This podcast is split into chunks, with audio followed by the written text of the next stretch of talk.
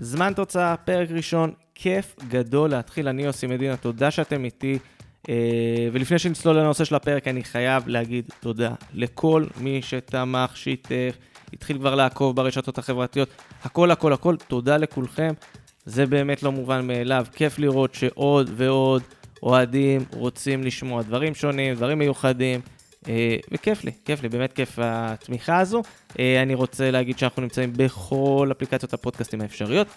אז ככה שאם באפליק... באפליקציה החביבה עליכם לא מצאתם אותי, אותנו, חפשו, שלחו הודעה, אה, ו... ונראה איך עושים את זה, כדי שגם אתם תוכלו להקשיב. ואני חייב להגיד שאין דרך יותר טובה להתחיל את הפודקאסט הזה עם מלחמת עולם. טוב, לא באמת מלחמת עולם, אנחנו מדברים על העימות הצבאי בין אה, רוסיה לאוקראינה, שתופס את הכותרות בימים האחרונים, והוא, מעבר לזה שהוא תופס את הכותרות, הוא גם גורר אחריו גל שלם של נושאים פוליטיים וצבאיים וכלכליים, וכמובן ספורטיביים. ו... בואו בוא, בוא נתחיל בעצם איזשהו תקציר של האירועים הקודמים, כי זה לא מתחיל בימים האחרונים, זה מתחיל מ-2014. רוסיה מחליטה לספח את חצי האי קרים, שטח אוקראיני, ומיד לאחר מכן שתי ערים, אה, דונייצק ולוהנסק, שתי ערים בתוך אוקראינה, מחליטות שהן מתנתקות, מקימות רפובליקות עממיות תחת שלטון בדלני פרו-רוסי, וכבר אז מתחיל השטח הספורטיבי לבעבע.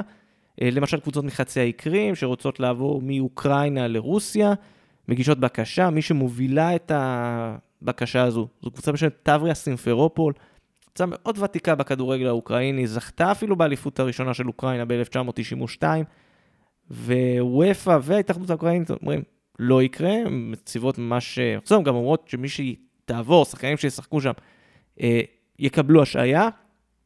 אז מה שהוחלט זה להקים איזושהי ליגה נפרדת של חצי האי קרים. ויש את הסיפור של שכתר דונייצק, שכולנו מכירים.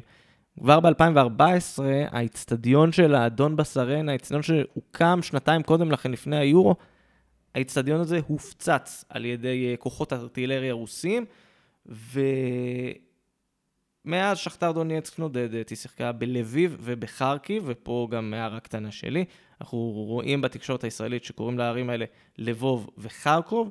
צריך להגיד שלבוב וחרקוב זה השמות הרוסיים של הערים האלה, האוקראינים מאוד מאוד מדגישים להשתמש בשמות האוקראינים, אז נכבד לביב וחרקיב, אה, לא, ושכתר היא לא היחידה שזזה, הקבוצה השנייה של העיר אולימפיק דונייצק משחקת רק בקייב מאז, זוריה לוהנסק, קבוצה מאוד גדולה באוקראינה, קבוצה ששיחקה כמה פעמים בשלבי בתים באירופה, היא משחקת בשנים האחרונות באודסה ובספוריז'יה, ובאופן כללי וופא מנסה להימנע מהדברים האלה, מנסה לא להגריל ביחד קבוצות מרוסיה ומאוקראינה. אה, לפעמים זה יוצר עיוותים, כל מיני הגרלות שהן כביכול תפורות מראש. למשל, בהגרלת היורו האחרון, לאוקראינה הייתה רק אופציה אחת פתוחה, בגלל שלא היה אפשר לשבץ אותה בבית לשחק בסנט פטרסבורג. אז נוצרים דברים כאלה, ורק בחודש האחרון קורה רגע היסטורי, כביכול, אה, מפגש רוסי-אוקראיני ראשון במסגרות של וופא, זה קורה ב, אה, ביורו בפוטסל, שזה אליפות אירופה בכדורגל אולמות, שתי נבחרות מגיעות לחצי הגמר, בחצי גמר כבר אי אפשר להפריד, ורוסיה ואוקראינה משחקות אחת מול השנייה, זה עובר די בשקט, רוסיה מנצחת, אבל כן, היה, היה קצת מתח מתחת לפני השטח. ומה קורה מאז תחילת הלחימה? אז פה אני צריך להגיד, אני מקליט את הפרק הזה ביום ראשון בבוקר, 27 בפברואר. דברים יכולים לשנות. דברים שאני אומר היום, יכול להיות שכבר מחר משהו ישתנה, משהו ייראה אחרת. אז באמת, המהירות של דברים קורים מאוד דינמית. כל שנייה קורה משהו. ובואו נתמקד בשתי הגיבורות שלנו, וופא ופיפא.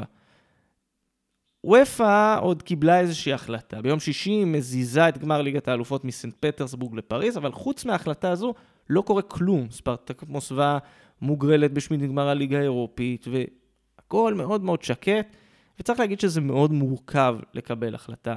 כי ג'אני אינפנטינו, ראינו אותו במונדיאל, חבר מאוד קרוב של ולדימיר פוטין, וגז פרום, שהיא חברת הגז הממשלתית של רוסיה, נותנת חסות לוופא ולליגת האלופות, אז זה באמת מין דברים שהם מאוד מאוד גדולים. אבל אנחנו רואים כל מיני דברים שכן קורים בכדורגל, ממחאות, ראינו למשל את שחקני מנצ'סטר סיטי עולים עם חולצות שתומכות באוקראינה, והליגה הספרדית עם הודעות של להפסיק את המלחמה, ואז באמת כל מיני השפעה של סנקציות, למשל רומן אברמוביץ', שמעביר כרגע את השליטה בצ'לסי לידי נאמן, כי ככל שהסנקציות נגד רוסיה יחריפו, הוא לא יוכל להיות בעלים של קבוצה.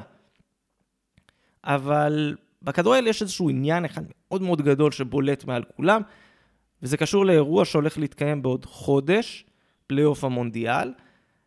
כרגע לפי ההגרלה, אה, רוסיה אמורה לארח את פולין במוסקבה. אם היא תנצח את המשחק הזה, היא אמורה לארח גם כן במוסקבה את המנצחת בין צ'כיה לשוודיה. ביום חמישי כבר יצאה הודעה משותפת של ההתאחדויות של פולין, צ'כיה ושוודיה, שהן לא רוצות לשחק ברוסיה. מוחלט. אבל הפולנים לקחו את זה עוד צעד קדימה.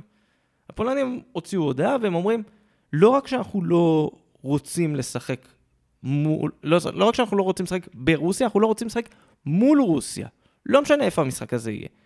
וצריך להגיד שמבחינת הגיאופוליטיקה של האזור, פולין ואוקראינה די דומות בסיפור הזה.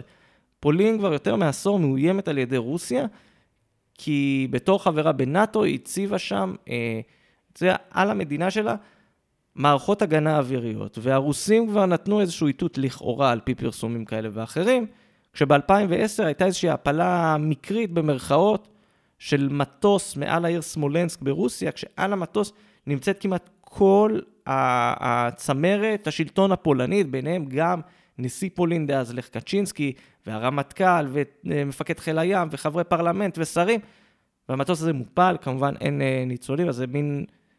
גם המתח הזה בין רוסיה לפולין הוא קיים, ראינו את רוברט לבנדובסקי תומך בהחלטה הזו, אה, וויצח צ'נסני, השוער של נבחרת פולין, גם הוא, כולם בעד הדבר הזה.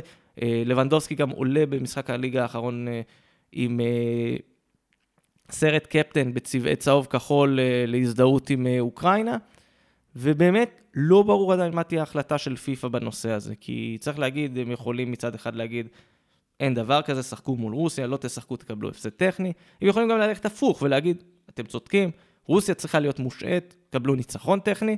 אני אגב חושב שיש עוד אופציה שלישית שלא כוללת ניצחון טכני, וזה שרוסיה מושעת ומקפיצים את סלובקיה שסיימה שלישית בבית שלה כמחליפה לפלייאוף, וצריך לשים את הדברים על השולחן, להגיד שמבחינה הזו, התגובה בכדורגל די נרפאת. כלומר, אם דיברתי על הקשר בין אינפנטינו לפוטין, אז איגוד הג'ודו העולמי למשל אומר, אה, אנחנו סבבה, פוטין פעם נתנו לו איזושהי חברות כבוד באיגוד, אנחנו שוללים ממנו את הארגון הזה. הוועד האולימפי אה, מחליט שאין תחרויות ברוסיה באופן גורף, והפורמולה אחת החליטו להזיז את הגרנד פרי מרוסיה, ואחת ההחלטות היותר משמעותיות מגיעה מהתאחדות ההתעמלות, זה, זה ארגון שרוסיה היא מאוד חזקה בו, והם אומרים, קודם כל אין תחרויות, לא ברוסיה ולא בבלארוס שמשתפת איתם פעולה כרגע, ויותר מזה, אם עכשיו יש איזשהו ספורטאי מרוסיה או מבלארוס שזוכה במדליה, אין טקס מדליות, לא מראים דגל, לא משמיעים המנון, כלום. ממש סנקציה חמורה ברמה התודעתית, תזכרו את החיות הוורינה באולימפיאדה עם לינוי אשרם, איזה מבוכה פוליטית זה כש... הרוסים מושפלים בהתעמלות. אז לאן הדברים האלה ילכו? אף אחד לא באמת יודע. יש מלא יוזמות, מלא רעיונות, אבל עד שלא קורה משהו גדול באמת, ועד שפיפ"א ואופ"א לא יגידו משהו, הכדורגל כרגע על תקן אה, ניצב מהצד. וכן, בדברים האלה צריך לתת איזושהי זווית ישראלית. כי כל פעם שיש עירוב של פוליטיקה וספורט, ואולי השעיה ואולי דברים כאלה, תמיד תמיד יש את השאלה, האם ישראל היא חלק מהדבר הזה? כי יצא לי בסוף השבוע האחרון להתקל בטור מ-1969, קצת אחרי שדרום אפריקה הושעתה מה... מהספורט העולמי. יש שם ממש אה, טור שלם שדן האם ישראל הולכת לקבל השעיה ב-69, אנחנו יותר מ-50 שנה אחר כך, ישראל עברה כל מיני ניסיונות אה, בדרך, כולל ההצעה האחרונה של אה, ג'יבריל רג'וב וההתאחדות הפלסטינית מ-2015 להרחיק אותנו מפיפ"א. כלומר, הדברים האלה תמיד יהיו באוויר. האם ישראל תקבל מזה משהו, לא תקבל מזה משהו? אין לי שמץ. אני מאוד מקווה שלא, ואני מאוד מקווה שהעולם גם ידע להבדיל בין הדברים. תחושתי האישית. אז כמו שהבטחתי, פחות מעשר דקות. אז אני הייתי עושה מדינה, אני מאוד מקווה שזאת הפעם האחרונה שאני מקליט על, ה... על האירוע הזה, על הסיפור הזה. נקווה לשקט באוקראינה, נקווה לשקט בעולם בכללי. אה, כמו שאמרתי, זמן תוצאה, תודה שהייתם איתי. יכולים למצוא אותנו בכל האפליקציות, בכל uh, רשתות הפודקאסטים האפשריות. מכירים חברים שהתעניינו בדבר הזה, תפיצו את הבשורה, תגידו להם, וכאמור, תודה רבה, ועוד מעט, עוד מעט, תכף, עוד פרק, אז uh, ביי בינתיים.